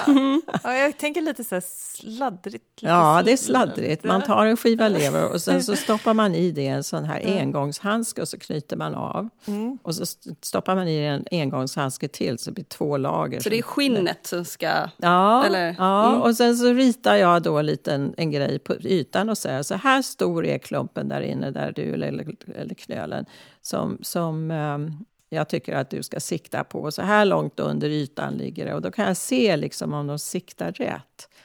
Och hur de liksom gör det där. Och sen så får de då äh, öva på hur man rör nålen för att det ska komma ut. Och lever, det är väldigt lätt att få in i nålen. Och sen kan de då göra utstryk. Och det är väldigt lika faktiskt äh, i konsistens som, som de flesta tumörer är. Men, Men vad är häftigt! Inte, inte så här köttet, självköttet och tumören, inte det lite olika konsistens? Jo, det varierar. Men alltså, det, det är nära nog för att det ska fungera som ett, ett instrument för att lära ut grunderna. Men är, har du... Alltså, tänk så här, det här har du kommit på själv. Ja. Är det liksom fler som, gör, som har tagit efter dig och gör det här? Oh ja, ja, ja. Så då, vet du, då har vi ju möten då för alla cytologer i, i USA och folk kommer från andra länder också. Då kan man ha såna här workshop där man lär ut hur man eh, gör såna här biopsier. Så det har vi gjort massa gånger. Och vi har hållit kurser också. Det gjorde vi en gång om året som var från vår institution då folk kunde komma och, och lära sig att göra det här. Och det här, om man tar prov på olika sätt i världen, eller är det olika på olika ställen i världen? Ja, det man- skiftar. Inte bara olika delar av världen. Det skiftar från ett sjukhus till en annat. Det beror Ja. på vad man har för expertis. Alltså, Ja. det är oftast vad man gör drivs av vad, vad man är bra på och vad man är van vid Ja, på ett speciellt ställe. ja. Och den här första videon faktiskt, den har blivit översatt till kinesiska Wow! och till spanska. Så den, den finns lite här och var. Folk kommer upp till mig på möten och säger men du, jag känner igen dig. du, ja, men du är den där på den där videon. Ja, lite kändis alltså. Nålkändis. Jag är väldigt känd i en väldigt liten krets. Kan säga. Men det är så himla häftigt. Alltså jag bara tänker, alltså, som patient när man kommer in och ska göra sin biopsi, man tänker ju...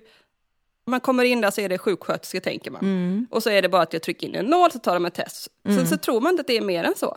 Man tror ju inte att den här människan har, ö- alltså att det är så mycket ja, plugg och mycket övning och så mycket annat bakom. Det är fantastiskt. Man får ju en helt annan bild över hur svårt det är och liksom hur mycket tid någon har lagt ner för att det ska Ja. bli rätt. Ja, det är man- fantastiskt. man hinner inte ens reflektera. När man går in i det rummet vet man kanske inte ens om det är en sjuksköterska eller en Nej. läkare. Eller, man tänker mest på att det är en knöl i mitt bröst. Ja, man tänker bara cancer hela tiden. Ja, alltså, och nu, man, måste såklart. ta, nu måste de ta Men- ett prov på det. Ja, men det kan man förmedla då till alla som lyssnar på det här som inte har gjort en biopsi. Men Tänk på hur duktiga de här människorna är. Ja, Att det inte bara är liksom- det är det ligger mycket träning bakom. Ja. Och, och alltså det är träning i hur man, hur man tar biopsin, att det kommer till på rätt ställe, kvaliteten är bra och sen också mycket träning i hur man tittar på biopsier. För som patient så, alltså du har ju så rätt alltså, att patienter som kommer de är ju så fokuserade på att två saker har jag förstått genom åren. En, åh, fy, de ska sticka en nål i mig, det kommer att göra ont, det här vill jag inte vara med nål. Ja, en tjock, Mm. lång, läskig, stor nål. Och det andra är, åh, åh, det kan vara något hemskt, det kan vara cancer och det här kan förändra mitt Mm. liv på ett sätt som jag inte vill vara med om. Så det, det är ju så. Att Mm. det, det är fokuset som patienterna har. Och det är en annan del som är viktig i undervisningen, de som ska göra såna här biopsier. Att förstå hur patienterna ser det här och hur det känns att vara Mm. patient. Det tycker jag också har varit jätteviktigt. För man har ju träffat mycket olika läkare i, genom år- eller under sin behandling och sådär. Och vissa är ju väldigt fokuserade bara, de har ju inga, inga känslor får man säga så. Nej men det är bara, alltså, man, man är ju en människa, en patient, och man är ju jätterädd och allting. Ja. Och så fort man träffar någon läkare som är mer frågar lite och är försiktig och förstående, då blir man ju mycket lugnare. Så det är ju väldigt, väldigt viktigt. Vad behöver man tänka på under mötet? Det har du också kommit in på. Ja, alltså en grej. Ibland så kan ju patienter uppföra sig väldigt underligt. Alltså de kan bli agiterade, liksom, att de blir arga och, och, och, och kanske äh, verkar... Och, in, och har svårt att samarbeta och sådär. Mhm. Um, eller klaga på att, någon, att någon, någonting inte var rätt. Och det kan vara innan de kom in i rummet, så att säga. Bara första mötet, när man checkar in och sådär. Mm. Och då har jag lärt mig och genom åren och försöker undervisa om det också, att om det är så, så är det nästan alltid så att patienten är rädd. Mm. Och att det, det, uttrycket blir att de eh, låter arga och att de klagar Mm. på processen på något sätt. Och då måste man stanna upp och man måste sätta sig ner och man måste fråga liksom hur, hur känns det och hur har du det och, ja, och vad har du några frågor och är, är det någonting som inte känns rätt? Mm. Och då kan man liksom vända på det där. Mm. Det, en del som är viktigt också är att alltså om jag undervisar, om jag kommer in i rummet från första början, då är det kört. Mm. För då är det så, de, de, då känner de det här att hon är erfaren, hon kan det här, henne vill jag ha. Mm. Ja. Så jag gör alltid så att, att de som är under träning, när jag väl vet att de kan det här med hur man gör, eh, alltså förklarar biopsin och frågorna och allt det där, då får de gå in själva först. Så de etablerar en relation till patienten så att de har byggt upp lite grann kapital där liksom med förtroende innan jag kommer in. Mm. Och sen så när jag går då, så då lämnar de patienten och så berättar de då vad, vad läget är och vad knölen är och lite bakgrund och dittan och dattan sådär. Så jag vet liksom historien bakom. Och sen kommer jag in och då introducerar, introducerar jag mig. Då säger jag så här, ja, jag är här så hjälpa till och se till att, att assisterar och se till att du känner dig bra och att, att allting är okej. Så jag, jag introducerar inte mig själv som att den som ska göra biopsin, utan jag är där som en support kan man säga. Det, då fungerar det mycket bättre. Ja. ja, men det förstår jag. För det är liksom, man vet ju själv när man kommer tillbaka, det är ju all ovisshet. När man inte vet någonting, man blir ju, det är jättejobbigt. Men så fort Mm. Ja. man får lite mer information, den minsta lilla, så blir man ju lite lugnare. För Ja. det man, man kan ta på om man inte vet, det är där man blir, det som är det jobbigaste. Liksom. Man vill ju ha svar. Kom, kommer du ihåg dina biopsier? Eller din biopsi? Var det en kanske? Jag tror det var en, jag tror att man var först där så gjorde de ett ultraljud och så fick jag komma tillbaks för biopsi. Mm. Men jag kommer ihåg rummet och sådär och läkaren. Känslan liksom. Nej, men jag kom, alltså, ja. ja. Jag kommer ihåg första gången jag var där, då var jag ju jätteledsen och jätterädd. För jag hade precis fått reda på att jag fått cancer, men jag visste inte vad det var för cancer. Jag fick gå en vecka innan jag... Jag visste, ja, du har fått cancer, jaha. Ska jag dö nu eller sen? Liksom. Men så fort jag kom dit, och då var de jättelugna och jättefina och berättade, men det här är inga problem, liksom, och bla bla bla. Och det kändes ju redan mycket bättre. Och sen efter andra gången, då var man mer lugnare när man kom dit, för de var väldigt så här, snälla, glada och ja, men också berättade och visade vad de skulle göra och sådär. Men eh, jag kommer inte ihåg alltså, var de satte nålen eller... Alltså det, Du vet hur jag är, jag kommer aldrig ihåg Mm. någonting. Det brukar jag säga varje gång. Men jag, känslan vet att det kändes väldigt, väldigt bra så fort jag fick komma dit och få svar. Mm. Det går ju fort också. Ja, man blir så inpränd. Det går så, alltså, allting går ju som en... Man är så inne på ett spår. Man hinner inte tänka. Det är bara rakt fram och så gör man allt man Mm. ska göra. Mm. Vad folk säger till en. Men det är så, man är så stressad. Det, Ja, det går ju inte ens att... Nej, man, förklara, man glömmer. liksom. Alltså, och det, det är viktigt också, jag brukar säga det till patienterna, att, att vi förklarar det här men ofta så kommer man inte ihåg. Nej, därför är det bra att ha med sig en bredvid. Ja, det är det. Någon annan som är Mm. med en som kan komma ihåg liksom, vad frågorna var. Mm. Mm. Alltså till något helt annat. Har det hänt någonting galet någon gång? Alltså typ, jag vet inte, att du råkar sätta nålen i magen istället. Eller Så att här, någon oj. som har svimmat eller jag vet inte. Ja, folk svimmar ibland. Ja, ja. Den gick för långt, jag tog ett prov av lungan. Oj, det gick igenom Nej, också. alltså det, alltså egentligen, alltså lungan ligger ju inte så långt under bröstet. Nej. Och det är någonting i undervisningen som är viktigt. Alltså man, och det är en annan grej det här med, med vinkel som du sa. Liksom, Mm. Om man sätter nålen rakt ner på bröstet så ligger lungan bakom. Mm. Om man kommer in från sidan så siktar man inte på lungan och då är det ingen risk att man går i lungan. Mm. Du träffade ju hjärtat istället. Ja. Det blir inte lika bra. Nej, inte där heller. Eh, Anatomin är kanske borde fler. Ja, ja, nej, men det, liksom, det ligger då i bröstet och lite tangentiellt istället för att sikta på så, sånt som är innanför Mm. bröstkorgen. Så, så det finns en anledning till ja, där också att hur man riktar nålen så att man inte hamnar på något galet ställe. Mm. Ja. Men i, i stort går man in liksom från si, alltså Ja, uppåt, man, man vill inte sikta på någonting som man inte vill vara i. Så, så det är liksom en del av undervisningen, att man tänker liksom på hur, hur, var man startar och vart man ska och vad som ligger i vägen. Och Mm. sådär. Ah, ja, galet. Alltså, det finns ju personer som har en tendens att svimma. Pratar När- vi läkare eller patient? Ah, ja, alltså helst inte läkaren. Har det hänt någon gång? Nej, jag, har väl inte haft... Jag har, nej, Jag jag kan inte in- läkare men en Nej, jag har praktikant inte kanske? jobbat med någon läkare som har Nej. svimmat. Men däremot så hade jag en assistent en gång. Som, eh, hon var egentligen min sekreterare, men jag hade ingen annan som hjälpte mig med biopsier. Så jag sa, Mm. äh, men Liz, kom nu.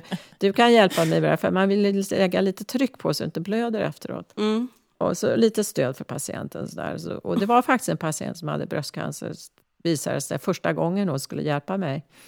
Ja, så jag gjorde biopsin och så vände jag mig om och så skulle jag preparera den och sen så, så hon skulle hålla tryck då, jag hade visat precis. Och sen så var jag klar med min preparering och så vände jag mig tillbaka, då fanns hon inte där. då, låg, då låg hon på golvet, hon hade alltså svimmat.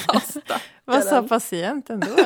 Ja, det kommer jag inte ihåg. Men i alla Det bara fall. sprut massa blod här. Som... Ja, jo då. Alltså, det, det, det, slump, alltså, det kallas för en vasovagal reaktion. Och det finns vissa personer som bara har det. Det är liksom inte så mycket man kan göra åt det. Nej. Men man kan träna bort det. Så vi, jag tränade henne och fick sitta i rummet och bara titta på en stol. Och sen fick hon stå i rummet och titta. Ah. Och sen fick hon komma närmare och hon blev jättebra assistent så småningom. Och där gick jag över. Min man, Warren, han svimmar. Alltså jättelätt när det är sånt där. Jag hade ju sån här prov när jag var gravid och skulle titta på kromosomer. Ja, han skulle ju vara med och vara stöd. Han satt bredvid mig. Jag tittade på nålen, tyckte det var jättekul att se var de var Ja, någonstans. exakt. Så vände jag mig till honom. Nej, han var borta. Han låg på golvet. Jag var tvungen att, jag fick ju vänta till de här nålen ut och sen tog jag hand om honom och gick och skaffade lunch och körde honom hem. Och, ja, sådär. Fick du ta hand om honom istället? Ja, ja, faktiskt. Fint. Så roligt. Fast det är bra när patienterna berättar att de har en tendens, för då kan man se till att de ligger ner även, även om man inte behöver ha dem liggande, för, för, och se till att man har en, en person till i rummet så där, om det skulle hända någonting. Men det är inget farligt, det går ju över. Ja. Hur brukar du tänka kring placeringen av patienten? Alltså jag är noga med det. Jag är väldigt noga med det. Ja. För det gör stor skillnad på hur, hur bra det blir. Alltså. Mm. Ja, det beror liksom lite på var den här knölen sitter någonstans. Alltså för det mesta kan man göra biopsi när patienten ligger ner på rygg. Mm. Men om man har någonting i halsen som sitter liksom lite mer bakåt då är det mycket lättare om man lägger patienten på sidan. Om det är någonting som kanske kan variera lite grann då brukar jag säga så här, ja, alltså vi ska experimentera lite grann med olika ställningar innan vi gör biopsin Mm. så det blir rätt och, och optimalt från början. Mm. Speciellt mina lärlingar då, de tänker så här, äh, men jag håller på att flytta om den, då tror de att jag inte vet vad jag håller på med. Men om man säger så här istället, att att jag vill vara säker på att vi har precis rätt vinkel på det här innan vi sätter igång. Så jag kanske flyttar på dig lite grann innan, innan det är dags att lägga lo lokalbedövning. Då blir det det andra hållet istället. Det här är en person som bryr sig och vill att det ska bli rätt. Noggrann. Ja, noggrann. ja. Har du någon favorit tumörplats? Kan man säga så? Alltså vad du tycker är mest spännande för det är Mest- lite svårt. Det är svårt att komma åt. Ja, det är väl egentligen mest i halsen för det finns så väldigt många strukturer i halsen. Det finns mycket kärl, det finns mycket nerver. Alltså, man vill ju helst inte sticka nålen i något stort kärl. Inte för att det egentligen är så farligt, men det, då blir det massa blod i preparatet. Det är inte så bra, det är svårare att titta på det. Och nerver gör väl ont också? Ja, nerver alltså, vill man ju helst inte, men de blir inte förstörda. Utan när, de, nålarna är så tunna så att de det bara delar på fibrerna. Så det är inget farligt. Men det kan, alltså, i halsen här så kan det bara så, om man sticker en nerv så kan det kännas ner i armen. Mm. Kan, så det, och det är inte så behagligt, så man försöker undvika det. Mm. Mm. Jag tänkte på den frågan som vi pratat om också. Mm. När man tar ett prov från en cancerknöl, Mm. eh, finns det någon risk att alltså, om man dör ut celler och sen så tappar man några celler utanför den här, kan det sprida sig då? Väldigt bra fråga. Och någonting som, som faktiskt har funderats mycket på. Mm. Och det har gjorts studier på det också. Och det är så att, att du har rätt. Alltså när man, man lägger in nålen i en tumör och sen drar man ut så tappar man lite på vägen ut. Och de har gjort, uh, alltså de har tittat på det här när man sedan opererar den där tumören så har de väldigt noga kollat ut med den där där nålen har kommit in och gått ut. Och då är det så, om man opererar tidigt efter biopsin, då hittar man ganska många sådana celler. Om man väntar ett par veckor så, så är det mycket färre eller inga. Så det verkar som de där cellerna, de, de, tar inte, de rotar sig inte, de växer inte, utan de dör av äh, i bröstet. Åh gud vad skönt. Ja, Men- så I stort sett så, så, så verkar det som att, att det är inte någon större fara. Och sen gjorde de, för väldigt länge sedan så gjordes det en studie på finhalspunktioner och bröstcancer. Och där tittade man på, de hade mm, två grupper av patienter. En grupp som istället för att göra såna här nålprov så op, to- tog de bara ut tumören, operation. Eh, och eh, så jag tror det var, det var stora grupper. Jag tror det var över 300 patienter i båda grupperna. Och sen följde de de här patienterna i 15 år. Vilket ju är väldigt länge. Och det visar sig att överlevnaden, det är ju det man oroar sig mest för.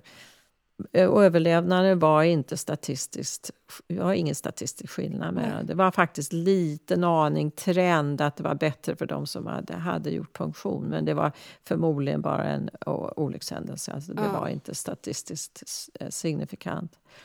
Men de här, eh, alltså de nyare nålarna nu, med, där man har den här fjädern, Fjädern. eller fjädern som, det blir ju mycket mera tryck då. Mm. Och det går fortare. Ja, det Mm. går fortare. Så det, det, det har, de har börjat studera det där och det är inte helt klart ännu om det är så att det har någon inverkan på vad, vad som händer med de här cellerna. Så det, det, och det är inte så lätt att, att fa- faktiskt göra en sån där Nej. studie. Och det tar lång tid med uppföljning och det är inte så lätt att få jämförelsegrupper heller. Så det, det finns inget riktigt svar på det, men om det är en faktor så är den, förmodligen ganska liten. Alltså det, här, det här är en fråga som jag har tänkt så, så mycket på. För att för mig, man gick in tre gånger och tog Mm. prov på mig. Mm. Och varje gång så tog man, jag minns det som två hål, Ja. två gånger nålar. Och sen så ett år senare, då kom ju cancern tillbaka i precis det området där man hade gått in Mm. och tagit biopsi. Och det kom tillbaka i skinnet. Ja, Jag har tänkt så mycket på det. att Men kan det ha med biopsin att göra? Ah, jag, alltså, och när man har alltså lokalrecidiv. Alltså när tumören Mm. kommer tillbaka så är det ofta lokalt just att tumören var. Och skinnet är... Alltså det är inte ovanligt för bröstcancer att, att växa i skinnet. Speciellt om det var, tumören låg ganska ytligt till att Mm. börja med. Alltså det finns, finns ju inget definitivt svar Nej, på den jag kommer frågan. aldrig vet få inte. svar. Nej. Alltså det, det är ju också så att, att tumörer de skickar ut celler hela tiden Mm. i blodomloppet. Det vet vi alltså. Mm. Att man kan, nu finns det metoder så att man kan hitta individuella celler i blodet Ja. som man då kan analysera och visa att de, de är cancerceller. Men det fordras flera andra steg innan de här cellerna kan etablera sig som tumörer i andra delar av kroppen. Som Mm. till exempel i ett ben eller någonting Mm. sånt där. Så det, det är liksom inte bara det här att cellen frigörs från tumören utan det, det är allt det andra som måste hända också Mm. som har betydelse för om det blir metastaser eller inte. Så det är jättekomplicerat. Ja, det Mm, låter det. Så det är inte så att så här, nu växer tumören och sen får den spridningsförmåga och sprids, Nej, det är så här lite hela tiden kanske? Alltså det- vissa tumörer har spridningsförmåga väldigt tidigt och Mm. andra tumörer kan växa i många, många, många år och, och bara stanna på ett ställe. Mm. Och vi vet inte egentligen så mycket om vad skillnaden är mellan de två. Nej. Det är mycket forskning har pågått och det är väldigt mycket interaktion mellan tumörcellerna och den omgivning som de här tumörcellerna är i. Alltså. Mm. Mm. Om, alltså I framtiden, hur tror du att eh, biopsier kommer se ut? Finns Ja, någon- alltså en intressant spår det är det här att, att det viktigaste är ju egentligen hur ska man behandla den här patienten? Hur tar vi hand om den här patienten? Vad finns det för resurser? Vad finns det för mediciner? Vad finns det för andra metoder att ta hand om det här? Och nu, har det blivit så att, att man tittar på en massa markörer. Uh, det är bröstcancer är ju inte en sjukdom, det är ett helt spektrum Mm. med sjukdomar. Alltså vissa tumörer växer mycket fortare än andra. Mm. Vissa tumörer är känsliga för hormonbehandling, andra inte. Och sen har det kommit det här med Herceptin. Ja, det, det är ju en sån här riktad uh, behandling som en del tumörer, ungefär 20% av bröstcancer, fungerar på. Ja, den har jag blivit behandlad med. Mm. Mm. Och det var väl egentligen det st- första stora genombrottet i cancerterapin som hade hänt på väldigt lång tid. Alltså hormonbehandling har ju funnits ja, sedan 70-talet. Mm. Mm. Men det här kom ju då och det var, gjorde ju skillnad då på, på många tumörer som tidigare var väldigt svåra att behandla. Och det har ju kommit mer och mer såna här behandlingar, kanske inte så mycket ännu på bröstcancer men många andra tumörer. Och det visar sig att, att det kanske inte är så viktigt var tumören startar. Vi, traditionellt så pratar man bröstcancer, prostatacancer, levercancer. Och jag tror i framtiden kommer man säga här är en cancer med en sån markör Mm. och vi bryr oss inte så mycket om var den startade någonstans. Och Mm. det tror jag är en av de stora grejerna som man kommer, kommer ändra sig när det gäller diagnostik Mm. när vi går framåt. Mm. Mm. Vet, vet du om det är något nytt på, på gång nu inom biopsi? Ja, det finns ju såna här liquid biopsy kallar det för. Alltså biopsier som man, man tar ett blodprov och så letar man efter markörer eller tumörceller. Mm. Folk har sagt åh vad bra, då behöver man, inte, behöver man inte operera och man behöver inte sticka nålar, man kan bara titta på blodet. Mm. Alltså problemet med det som jag ser det, det är att, att det kanske är alldeles för känsligt. Alltså vi, alltså, om man säger nu jag är 70 år gammal, Mm. det är ju ganska troligt att jag har någon tumör någonstans som bara ligger där och kanske inte gör så mycket. Och så de här liquid biopsy, jag vet inte vad de kallar det för i Sverige, men när, man tar cancerprov på, på blodprov egentligen, man letar efter då antingen celler eller markörer i blodet. Om det är så att man har någon liten tumör någonstans och sitter och aldrig kommer att göra någonting och det är Mm. förmodligen så med ganska många tumörer. Mm. Om man då hittar någonting i blodet, jaha, men vad gör man då? Får du inte göra en kroppsröntgen då? Ja, Man Ja. blir kanske orolig i onödan. ja det är mycket oro i, i onödan. Och även om man då alltså man gör en kroppsröntgen, alltså det, det, de flesta så här röntgenmetoderna, ja, man hittar ju saker som är kanske en centimeter och upp. Alltså, men om det är riktigt smått så brukar, då, då är det ofta så att man, man hittar inte. Nej. Men är det inte, kan man inte se då i provet om det är elakartat? Eller om det är Ja, mera- men det, är- nej. Mm. Det, alltså även om det är elakartade celler, så är, är det så cancerceller, så är det inte säkert att det, att det blir någonting ändå. Alltså då börjar man söka och leta och behandla kanske Mm. och, och då kan man ställa till det även Alltså då blir behandlingen värre än vad som var där uppe till att börja med. Alltså det, det är lite på gång på det här på, på sköldkörteln faktiskt. Det Mm. vanligaste tumören där kallas för papillärcancer. Mm. Om man tittar på folk som har dött och gör, gör uh, obduktion så hittar man såna här små, små såna i 30 procent av patienter. Mhm. Och det är ju jättemycket. Ja, det var Mm. mycket.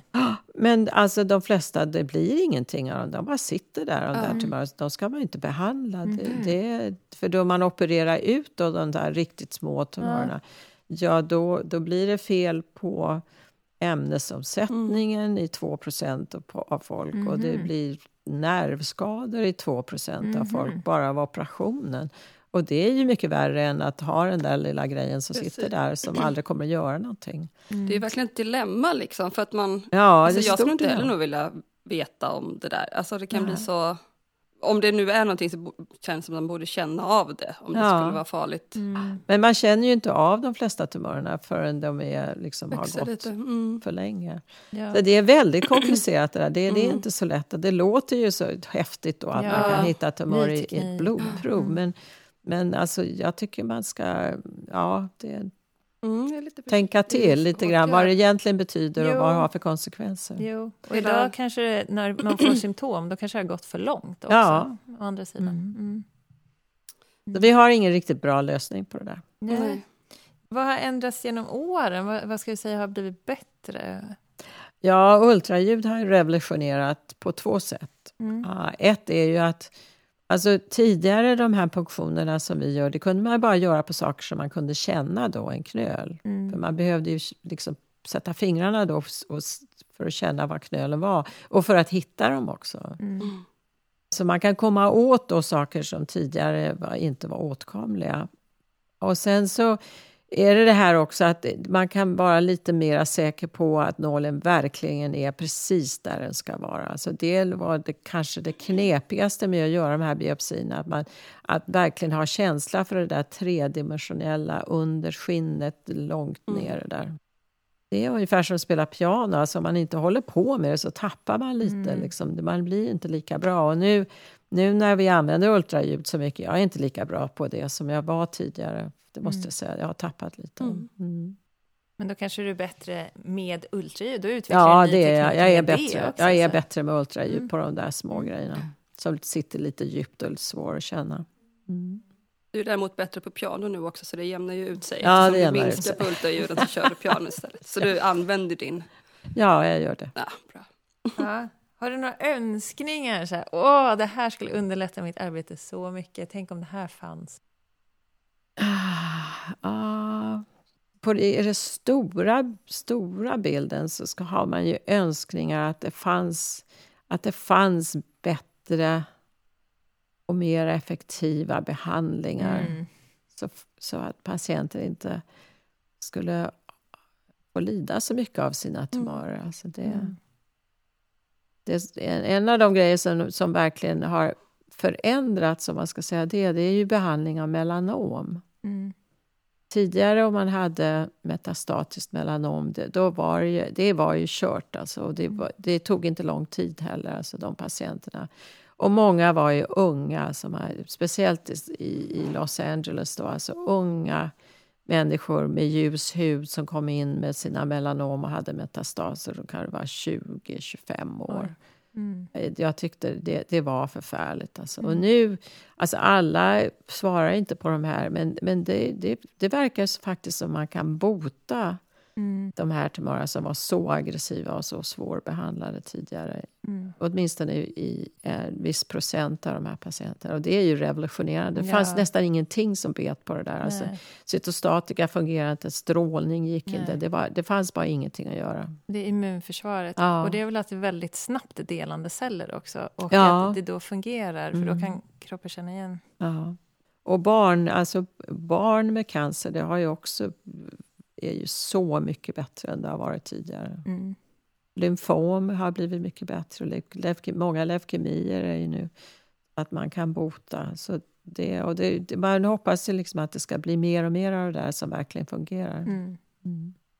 Men eh, om det är till exempel en läkarstudent eller en läkare som lyssnar på det här och är det någonting du skulle vilja dela med dig som är så tips eller någonting? Som... Ja, jag tycker, alltså att vara läkare är ju det är ett privilegium. Mm. Det är ett meningsfullt arbete.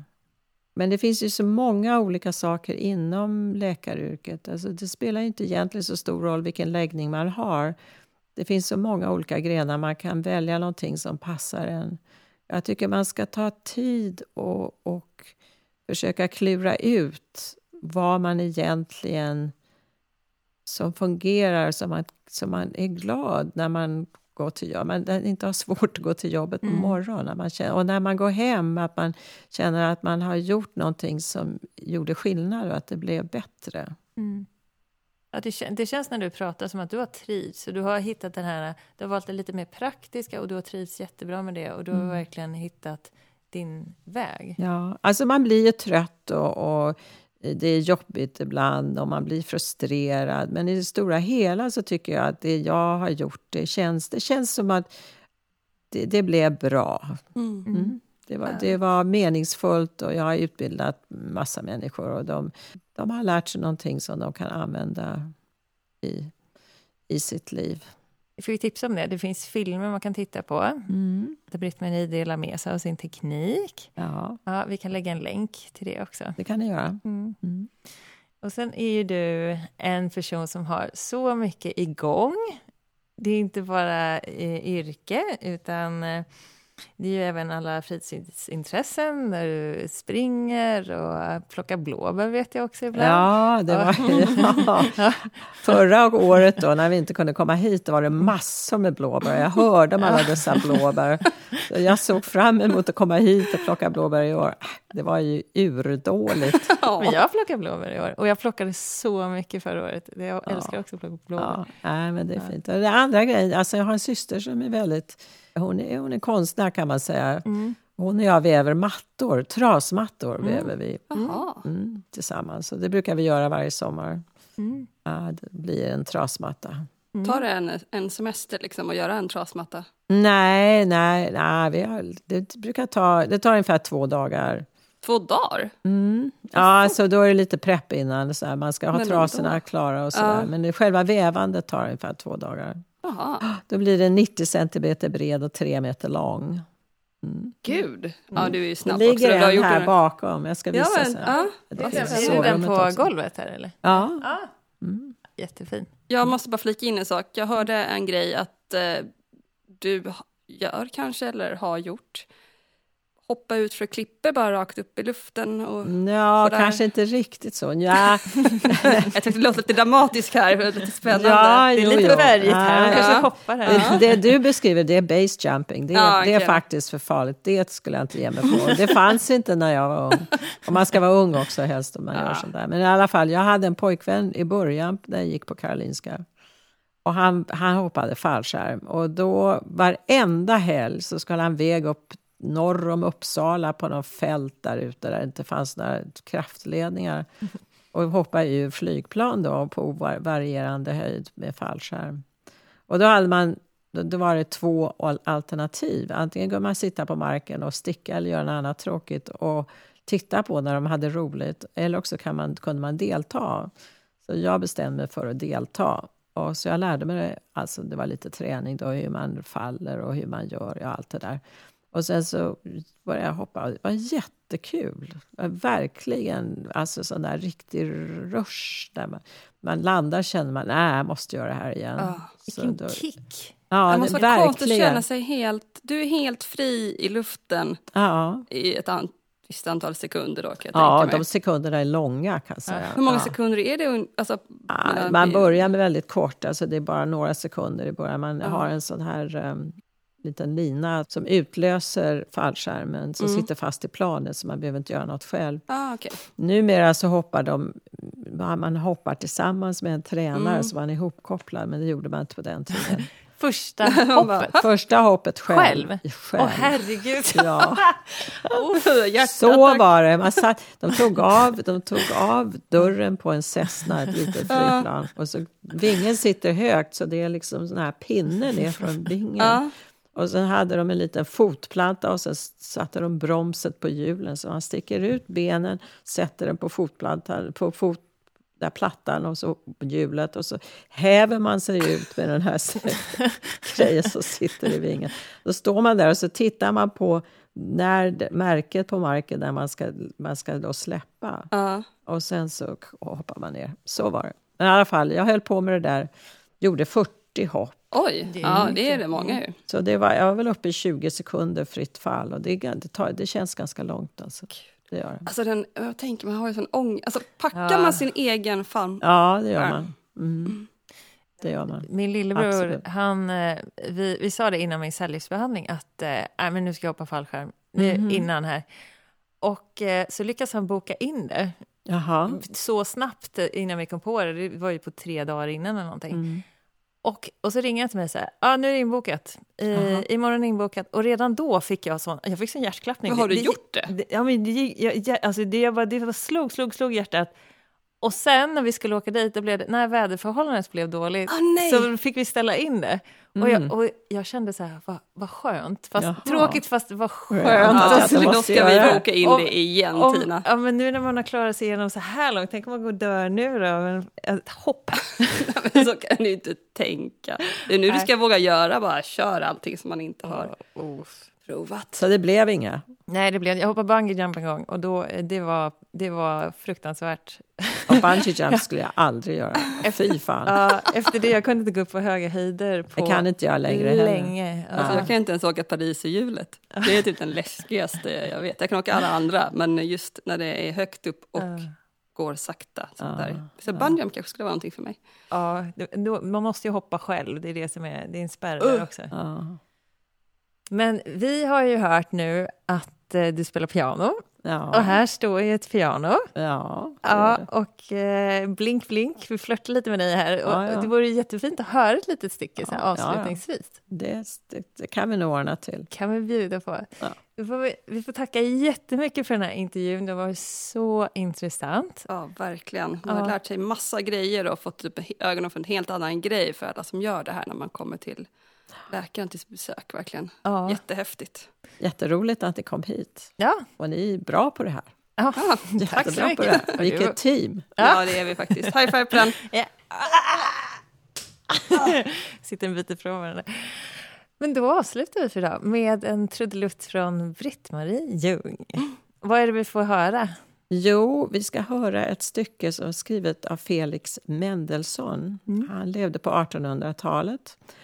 Han skrev väldigt många eh, korta stycken. Bland annat en samling som kallas för... Ja, det kan jag inte på tyska, men eh, på engelska så kallas det Songs without words. Eller kanske på svenska att det kan bli sånger utan text. Mm.